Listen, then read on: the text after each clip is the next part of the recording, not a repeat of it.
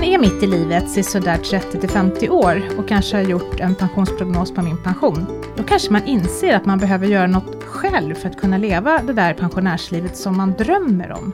Hur ska man då spara? Och vad är smartast att satsa på? Ska man försöka minska sina utgifter till den dagen det är dags att sluta jobba? Eller ska man försöka spara för att bygga en buffert? Idag har vi Frida Bratt från Nordnet med oss i Min Pensionspodden. Välkommen till oss Frida! Tack så mycket! Ditt namn tror jag klingar välbekant hos många. Du har varit journalist på Placera, Svenska Dagbladet och Expressen och nu är du sparekonom som sagt var på Nordnet. Varför har du valt att jobba med frågor som rör privatekonomi? Ja, men jag tror att privatekonomi, jag är väldigt samhällsintresserad som person och jag tycker att privatekonomiämnet sträcker sig över väldigt många olika fält. Jag gillar det här att plocka ner någonting som händer uppe i, liksom, på politikernivå eller det händer någonting på makronivå. Plocka ner det och göra det begripligt för vanliga människor som undrar hur plånboken påverkas. Det är väldigt många ämnen som går in i privatekonomi. Så det tilltalar mig tror jag. Att eh, jag tycker att jag får jobba med väldigt mycket olika frågor men göra dem begripliga. Mm. Eh, och verkligen liksom ta ner det till en konkret nivå. Mm. Det tycker jag, eh, jag, jag märker att det finns en efterfrågan också på liksom att någon verkligen kan förklara sånt här. Eh, sen finns det jättemånga duktiga kollegor till mig som också gör det. Men det tilltalar mig i alla fall. Mm. Eh, att kunna göra det på ett bra sätt. Mm. Tycker du att vi pratar generellt sett mycket eller lagom mycket om privatekonomiska frågor i vardagen? Alltså jag tycker egentligen inte att det är en fråga om tid. Alltså att vi pratar, måste prata mer om privatekonomi eller mindre eller så. Vi måste prata smartare. Och vi måste prata om privatekonomi där det behövs. Alltså jag tycker att det är jätteviktigt att privatekonomi får en starkare ställning i skolan. Det står i, i skollagen i läroplanen att man ska prata privatekonomi på eh, hem och konsumentkunskapen exempelvis. Men det blir mest matlagning har det visat sig när Skolinspektionen har tittat på det här. Hur, är, hur blir det, mycket privatekonomi blir det egentligen? Då blir det inte så mycket. Det är liksom en för svag ställning för privatekonomi fortfarande i skolan. Där måste vi prata mer om privatekonomi. Men annars så tycker jag, jag får ofta frågan hur mycket tid måste man lägga ner på sin ekonomi eller hur mycket tid måste man lägga ner på sitt sparande? Vad svarar du då? Då svarar jag, det behöver inte vara så mycket tid om du gör smarta val från början. Så inte i termer av tid tycker jag, men att man gör smarta val från början så att man inte måste lägga ner jättemycket tid. Och det är precis det vi ska prata om idag. Ja. De där smarta valen som man gör tidigt i livet. I min pensionspodden så pratar vi ju alltid om privatekonomi, men idag så ska vi göra det mer konkret, tänker jag. Vi ska prata om olika sätt att spara på. Vi möter ofta personer som vill spara till sin pension och som känner sig lite, ja, lite lost kan man säga, sen de privata pensionsförsäkringarna försvann. Den som är 35 till 45 år idag och bor i en större stad sitter ofta med höga lån. Just nu är räntan låg, så det är relativt billigt att ha de här lånen. Men ingen vet ju på vilken nivå räntan kommer ligga om sådär 20 år, när den här gruppen faktiskt börjar närma sig pensionsålder. Och ha låga utgifter när man slutar jobba, det är ju också bra att ha. Är amortering en bra sparform tycker ni för den här gruppen? Hur ska vi börja med? Ska vi släppa in Kristina som också är med i studion?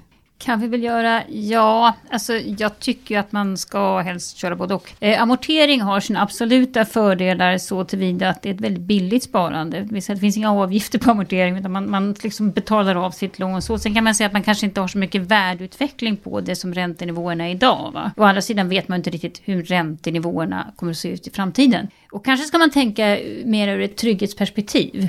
Att eh, man ska amortera om man har väldigt höga lån eller till exempel om man känner kanske att äktenskapet svajar lite eller man inte riktigt vet hur länge man ska ha jobbet kvar. Alltså att man har en slags osäkerhet i tillvaron.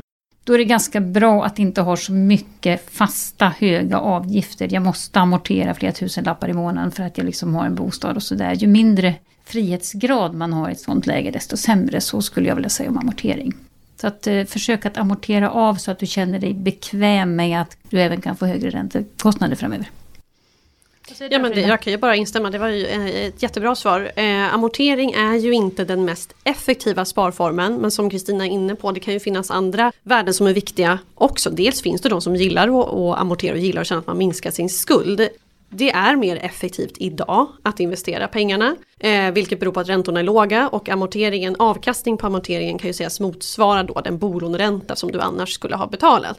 Så det är klart att rent objektivt så är investera bättre, men Jag tycker egentligen att frågan om amortera eller investera har inte ett superkomplicerat svar. Jag tycker att är man högbelånad så ska man amortera. Därför att det minskar sårbarheten helt enkelt i händelse av ett prisfall på bostäder. Jag tycker egentligen att man ska alltid amortera åtminstone ner till 50% belåningsgrad. Nu har vi ett amorteringskrav också som anger just detta även om det är pausat just nu. Då. Sen brukar jag lite grann ibland slänga in och amortera. Jag brukar lägga in den här renovera också. Numera så priset stiger vad jag än gör. Va? Men, men det kan ju komma en tid då liksom priserna ligger ganska still. Och ska du då behålla värdet på din bostad så måste du faktiskt se till att den är i okej skick. Och renovera, speciellt om du då inte har två tummar mitt i handen, så är ju det ett ganska också billigt sätt att sköta din ekonomi på. Sköt mm. om din bostad helt enkelt. Mm. En investering i bostaden ja. är ju mm. det, kort mm. sagt. Med lite tid. Då sparar man pengar som man kan renovera sen då, eller hur tänker du? Nej, jag menar du behåller värdet på ditt hus. Jo, jo, det förstår jag. Men jag tänker liksom hur, du kanske inte har pengarna på fickan. Du kanske måste spara lite grann då några år för att kunna ja, göra okay, de där köksrenoveringarna ja, som kostar pengar. Jo, men det är förmodligen billigare om du, om du då kan renovera själv. Alltså mm. du tjänar ju pengar på att renovera själv istället för att anlita en hantverkare också. Mm. Självklart, så det finns ju liksom en dubbelkomponent där. Mm. Eller också så tar man in arga snickaren eller något sånt. Man kan, ja, om man är sån så kan man göra det. Och ja, man, ja. Annars kanske man kan prata med någon granne. Ja, ja. Men du var lite grann inne på det Kristina, men du har ju tidigare sagt att, att det här med att amortera, det är faktiskt en kärlekshandling. Jo, då, då har jag bindestreck mellan amor och tera. För att jag tycker liksom att när vi nu pratar om det här med ojämlika pensioner och någon som jobbar hemma med barnen och får lite pension. Alltså där, och, så, och så kanske blir en skilsmässa och så står man där. Jaha, så försvinner värdet på halva huset och så fick man ingenting. Så har man inte råd att behålla det. Men om man då, om den som tjänar mest hela tiden amorterar lite mer till det där huset som man kanske då ska dela på den dag man separerar så har man ju egentligen faktiskt ganska effektivt fört över pengar till den andra parten för att man har minskat låneskulden och sådär och det blir mer pengar kvar till den som bor kvar. Därför tycker jag att amortera är ett ganska enkelt sätt. Men den som inte vill amortera då, om man tycker att det är bättre att eh, spara pengarna, kan det vara smartare? Vad säger du Frida? Nej, men jag tycker egentligen att eh, den, alltså den här frågan blev ju väldigt aktuell när amorteringskravet just eh, pausades då av eh, Finansinspektionen som i kölvattnet av pandemin för att underlätta för människor som kanske blivit av med sitt arbete eller och så vidare. Och då har jag full förståelse för att man pausar amorteringen om man måste göra det för att få inkomst och utgifter att gå ihop.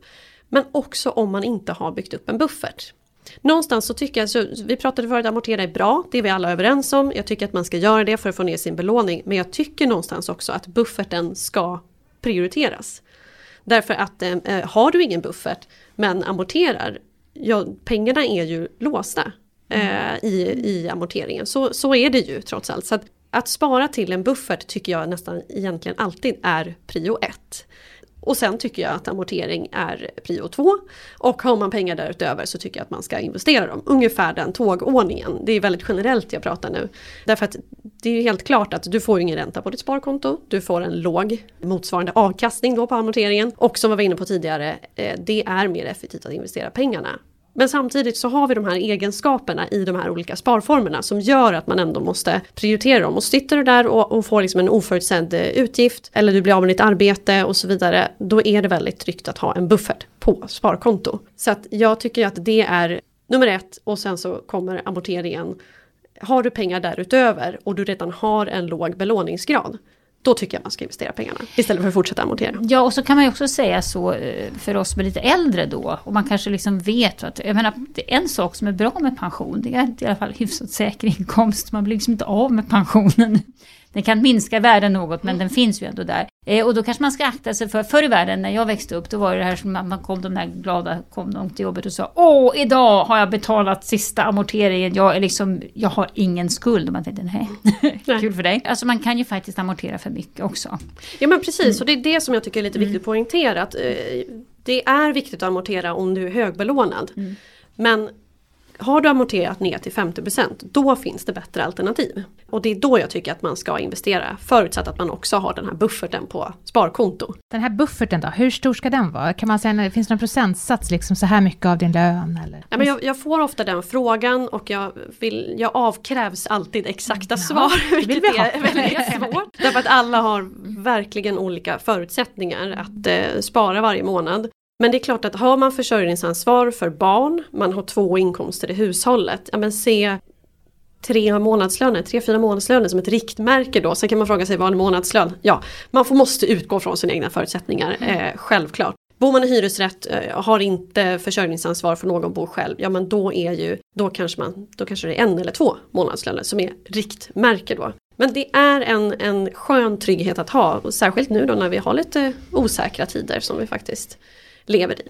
Gör gärna ett stresstest tycker jag. Mm. Alltså lek själv med tanken, oj nu blev jag av med jobbet och sen tar det kanske tre månader innan a-kassan kommer och jag liksom alltihop det där. Och, och liksom, vad ska jag leva på då? Vi brukar ibland prata att man ska provpensionera sig. Man kan ju liksom provgöra sig själv både sjuk och arbetslös också. Exakt. Och, och se vad händer, för då får du ju då får du din egen buffert, då, då, blir du medveten om din egen buffert. Precis, man kan ju räkna på bufferten absolut utifrån sig själv. Ja, men vad är det jag behöver? Mm. Eh, så, så det kan man absolut göra. Jag brukar kalla det där just för en brandövning. Ja. Och då menar jag inte att man ska springa runt och dra på något larm och, och sådär utan ett uttryck för att just stresstesta och då kanske man också hittar ja, abonnemang som man betalar mm. som man inte utnyttjar. Det kanske är konsumtionslån som man egentligen skulle kunna betala av på som ligger och tickar höga räntor. Man kan ju liksom redan nu man kan ju alltid tajta till kostnaderna lite grann genom att göra den där brandövningen. Det är också så, kriser kommer och går och oftast så är det så att eh, kriser kommer plötsligt och så blir många arbetslösa på samma gång och så hinner de liksom inte med. Alltså det mm. finns en det blir kö. Och då kan det ta ytterligare längre tid att få de här pengarna. Så man ska liksom inte bara tro att pengarna kommer den 25 som lönen gör, för det gör den inte. Så du måste nästan ha två månadslöner sparade för att liksom klara en sån grej. Ja men precis, och oavsett, även om man då tänker sig a-kassenivån så kan ju den skilja sig ganska mycket från den lönenivå man är van vid och alla de kostnader som man har som är baserade på ens vanliga inkomst då. Där kan det ju bli ett glapp faktiskt. Och där är det ju, då är det ju också en trygghet då om man har den här bufferten. Men också om man har amorterat ner så att boendekostnaderna faktiskt inte är så höga. Så att det är ju en kombo då av ja. båda. Jag skulle vilja lägga till en sak om det här med när man börjar närma sig pension. Eh, för att då är det också så att visserligen ska man då inte bli åldersdiskriminerad och sådär. Men, men Eh, Eh, jag tror att det kan vara så. Man bör i så fall kolla mm, hos olika bolåneinstitut. Alltså hur ser de på att ta ett nytt lån när du har fyllt 60 eller något sånt där. Eller, ja. Eh, så att eh, det kan vara klokt att gå igenom sin ekonomi kanske i god tid för att du faktiskt ska gå i pension och fundera på är det bra för mig att låna upp pengar nu för att ha som en slags reserv. Det låter fånigt att säga det, det kanske man inte ska låna på sig 3 miljoner men det kan bli knepigare att låna nya pengar när du blir pensionär.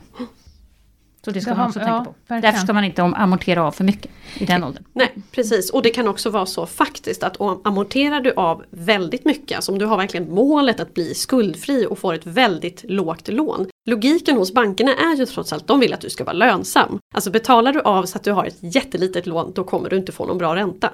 Så är det. Så att på så sätt kan man säga att eh, ja, höga lån premieras ju fortfarande för att de får en bättre ränta. Så är det. Men om man själv då kan lägga sig med någon slags balans i det där. Där man kanske då när man har en liksom 50 i belåning istället investerar istället för att betala av mer på lånet. Då kanske man kan få behålla en ganska bra ränta. Och man ja. kanske också ska fundera på även där om det här med rörlig eller bundet och alltihop det där. Va? Alltså, ja. Befinner du i pensionsåldern, du kanske tvingas flytta av olika skäl, bla bla bla bla. Och Sen finns det ju, alltså det här med rörligt bundet, man kan ju också så att säga spara ränteskillnaden mellan lånet bundet och, och rörligt och eh, investera den på ett konto och eh, så att säga ha en buffert. Om nu räntorna sticker iväg så kan du snabbt betala av delar av ditt lån och få ner lön och lånekostnader den vägen. Det finns ju liksom mm. trick.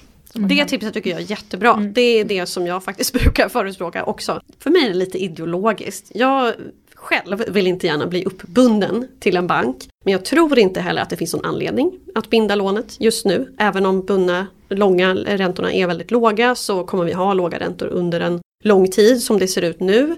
Men är man ändå orolig så tycker jag att det där är ett bättre sätt. Därför att saker kan hända i livet, speciellt nu. Vi har lite osäkra tider. Det kanske du blir av med ett jobb, du måste ta ett jobb någon annanstans i en annan stad. Ja, då behöver du bryta lånet i förtid och betala den här ränteskillnadsersättningen som kan bli ganska hög. Så det har ju liksom adderats osäker, osäkra moment kan man säga i omvärlden som faktiskt kan påverka ens ekonomi och huruvida man faktiskt kan eh, ja, bo i sin bostad eller ha kvar sitt lån. Jag tycker att rörligt är det som eh, man ska ha. Fast gärna då med det påhänget att eh, ha lite sparande då också om räntorna sticker iväg. Mm. Absolut, det, det, det, är precis det jag menar. Ha hellre rörligt och sen lite sparat. Ja. En grej med sparande är ju att jag när som helst kan ta ut mina pengar. Och det är ju både positivt och negativt. Om jag hamnar i ekonomisk knipa som jag pratat om, då är det ju väldigt bra. Men det kan ju också vara negativt för att jag kanske lockas att ta ut dem i förtid. Finns det något knep på om man liksom vill verkligen spara de här pengarna för sin pension, att låsa in dem? Alltså det där är I alla fall ju... mentalt kanske? Ja men precis, Ja. Nej, men det är jätteintressant. På Nordnet så gjorde vi faktiskt en undersökning bland svenska folket. Har du någon gång nallat av dina långsiktiga pengar för konsumtion? Det visar sig att varannan har gjort det. Det, är ganska, det. det Ja. är ganska hög andel. Marshmallow-testet låter det som. Ja, exakt. Precis så. Eh, så att, ja, det finns ju en Ja. risk att man nallar av pengar som egentligen skulle ha gått till pension eh, eller så. Jag tycker egentligen att vi behöver en sparform i Sverige som, en, som är dedikerad pensionssparform där man på något sätt ges en morot när man sparar långsiktigt. Så att eh, ett förslag som jag har pratat mycket om är ett, ja, men någon typ av pensionssparkonto där man får liksom en nu har vi ju 30 eh, skatt på schablonen i en eh, kapitalförsäkring och ISK. Att det blir 15% på den här schablonintäkten om man binder pengarna tills man är 60 eller 65. Just för att ge en morot för långsiktigt sparande. Då skulle du inte kunna plocka ut pengarna därifrån då? Du får en lägre 15. skatt när, om du låser pengarna Ja. tills du ska ha dem för, eh, i din pensionering helt enkelt. låter intressant. Eh, men, men nu är inte det förslaget verklighet. Det är någonting som jag tycker behövs sedan man slopade det här eh, avdragsrätten. Nej men annars så tänker jag att man får jobba mycket med målbilder. För sig själv. Alltså vad vill jag ha för eh, hur vill jag kunna leva när jag är pensionär? Jag tycker att min pension är bra. eh, Att gå in och titta och göra en prognos hur det ser ut. Bara för att få någon slags bild. Vad är det som väntar mig när jag går i pension? Vad, vad, vad kan jag ha för förväntningar? Och sen försöka tänka framåt. Nöjer jag mig med den här nivån eller vill jag ha lite mer? Ja då kanske jag måste spara lite mer. Jag tycker ju att vi pratar lite för lite livsekonomi.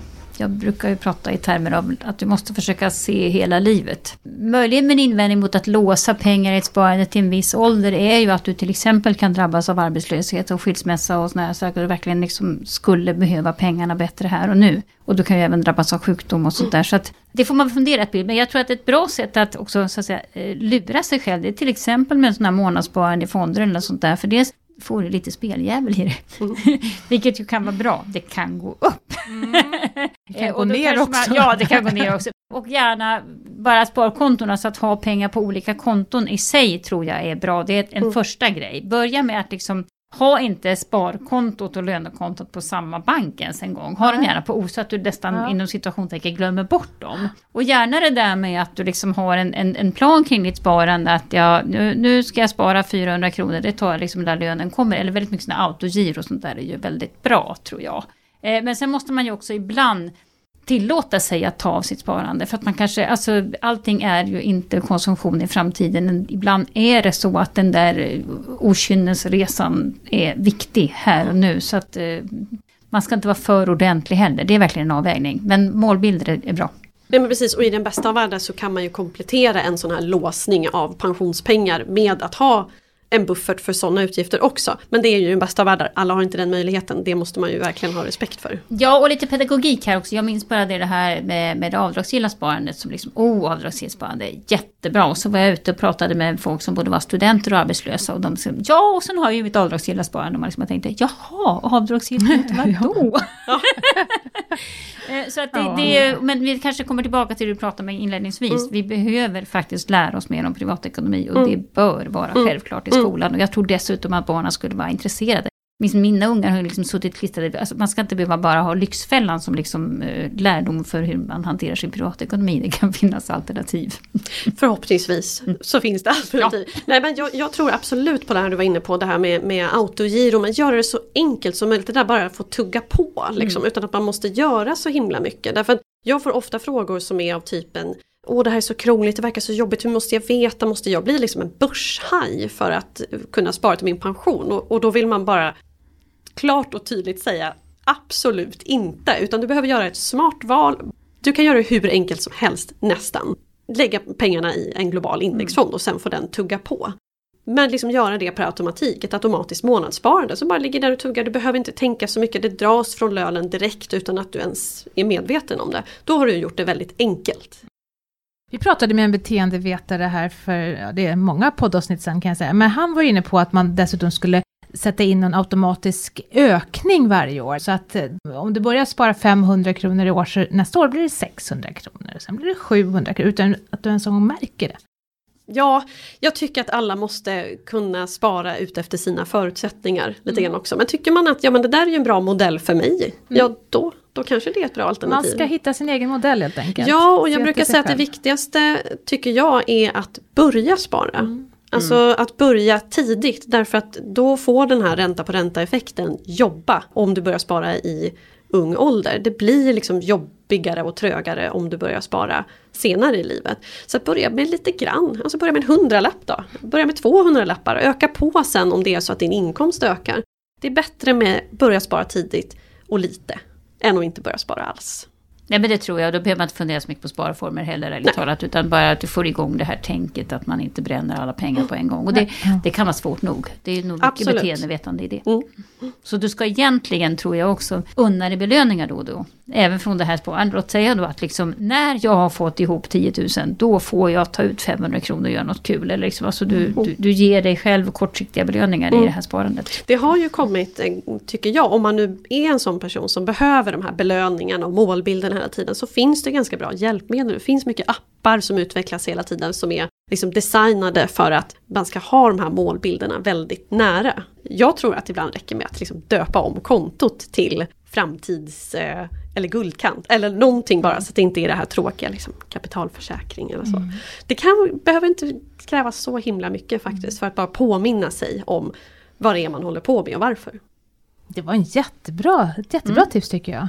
Med en lilla tidsbank också. Att man, när man, framförallt när man ska pensionsspara. Och det kan ju vara väldigt svårt att visualisera. Men hur mycket behöver jag då? Liksom vadå pensionsspara? Då? 500 spänn i månaden eller vadå? Att man då tänker i termer av tid. Typ nu har jag sparat 20 000 kronor. Ja det är en månads pension. Då kan jag gå i pension en månad tidigare. Alltså att du tänker, och har jag liksom 200 000 kronor? Ja det är ju väldigt mycket i tid räknat då. va? Att man visualiserar det i tid istället för att 200 000, ja men vad är det egentligen då? Mm. Ja om det, är, om det är det som funkar för Ja. mig. Om mitt mål är att kunna börja gå i pension tidigare och För tidigare. jag tänker så här, så. de som är sådär 35-40 tror jag kanske inte Nej, de tänker... går inte igång på det. Nej, de går nog inte igång på det. Utan de står nog det här valet, ska jag amortera eller ska Mm. jag spara? Ja, Ska vi summera det här då? Vem vill börja? Frida? Väldigt generellt uttryckt så tycker jag att man ska amortera om man är högbelånad. Men bufferten är också jätteviktig. Så att nu när vi har en paus från amorteringskravet och du känner dig lite osäker och du har inte någon buffert, då kanske det kan vara en idé faktiskt att pausa amorteringen för att bygga upp den här bufferten. Men annars så tycker jag ju absolut att eh, högbelånad, ja då ska man amortera för att man, man ökar skyddet mot prisfall exempelvis och eh, eh stigande bolåneräntor. Men amortera inte för mycket utan när du har kommit ner till säg 50 belåningsgrad, det, det är ju där amorteringskravet ligger idag, så finns det ju mycket mer effektiva sätt att använda pengarna. Då tycker jag man ska investera dem hellre än amortera ner lånet mer. Men just investera och inte shoppa loss kanske. Inte shoppa loss utan investera på börsen där pengarna får möjlighet att växa. Eller kanske renovera huset? Eller renovera huset. Lägenheten, Precis så. ja. Ja. Och sen tycker väl jag då att man ska försöka tänka mera livsekonomi. Inte bara vad har jag nästa månad, vad har jag inte nästa månad. Utan tänka långsiktigt. Och, och de flesta av oss kommer att få lite mindre pengar som pensionärer. Så att man även har liksom en, jaha, vad vill jag ha för boendekostnad då? Eller vad vill jag ha för sparbuffert då? Och då har man ju väldigt många år på sig. Och då hinner, ju faktiskt, då hinner vi prata om ganska stora tal. Både när det gäller att ha amorterat av och att ha sparat. Det blir roligare att tänka då också. Tack så mycket för att du kom hit idag Frida. Tack snälla för att du fick komma. Superintressant att höra dina tankar kring sparande och amortering. Jättekul att komma hit.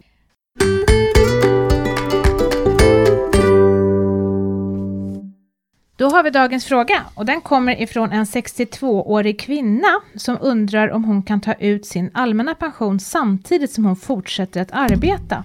Och samtidigt så undrar hon också hur skatten påverkas av en sån här lösning. För det första, den enkla frågan, det är, går alldeles utmärkt att arbeta och ta ut full allmän pension samtidigt. Det finns liksom inga lagar eller regler som hindrar det. Däremot kan man ju tänka på då att om man har både heltidslön och en pension på det så är det väl risk för att man kommer upp i de här beloppen som man får betala statlig skatt, alltså någonstans lite drygt 40 000 kronor i månaden då. Om man nu inte tycker att det är kul så kan man ju fundera på det. Sen är det också så att om man är 62 år och börjar nalla av sin pension så är det så att Inkomst av lön beskattas i en skattekolumn och inkomst av pension beskattas i en annan skattekolumn och inkomst av pension före 66 års ålder, då får man nästan inga grundavdrag, det vill säga man får betala mycket mer i skatt. Eh, gå in gärna på Skatteverket och kolla för just vad som gäller för dig. Men, men vi pratar faktiskt om kanske tusen lappar mer i månaden i skatt. Mm. Ja, det är mycket pengar. Ja. Mm. Tack för att du har lyssnat på oss idag. I avsnittet hörde du Frida Bratt, sparekonom på Nordnet, Christian Kamp och så jag själv då, Maria Eklund från Min Pension. Fler avsnitt av Min Pensionspodden hittar du där poddar finns och nya släpper vi varannan fredag. Och vårt tips är som vanligt att du ska följa podden, för då missar du inte när vi släpper nya spännande avsnitt. Om du har tips på ämnen som du vill att vi tar upp i kommande avsnitt, eller om du har en fråga som du vet vi svarar på, då mejlar du till podd.minpension.se. Ta nu hand om dig och din pension, så hörs vi snart igen. Ha det så bra. Hej hej! Hej då!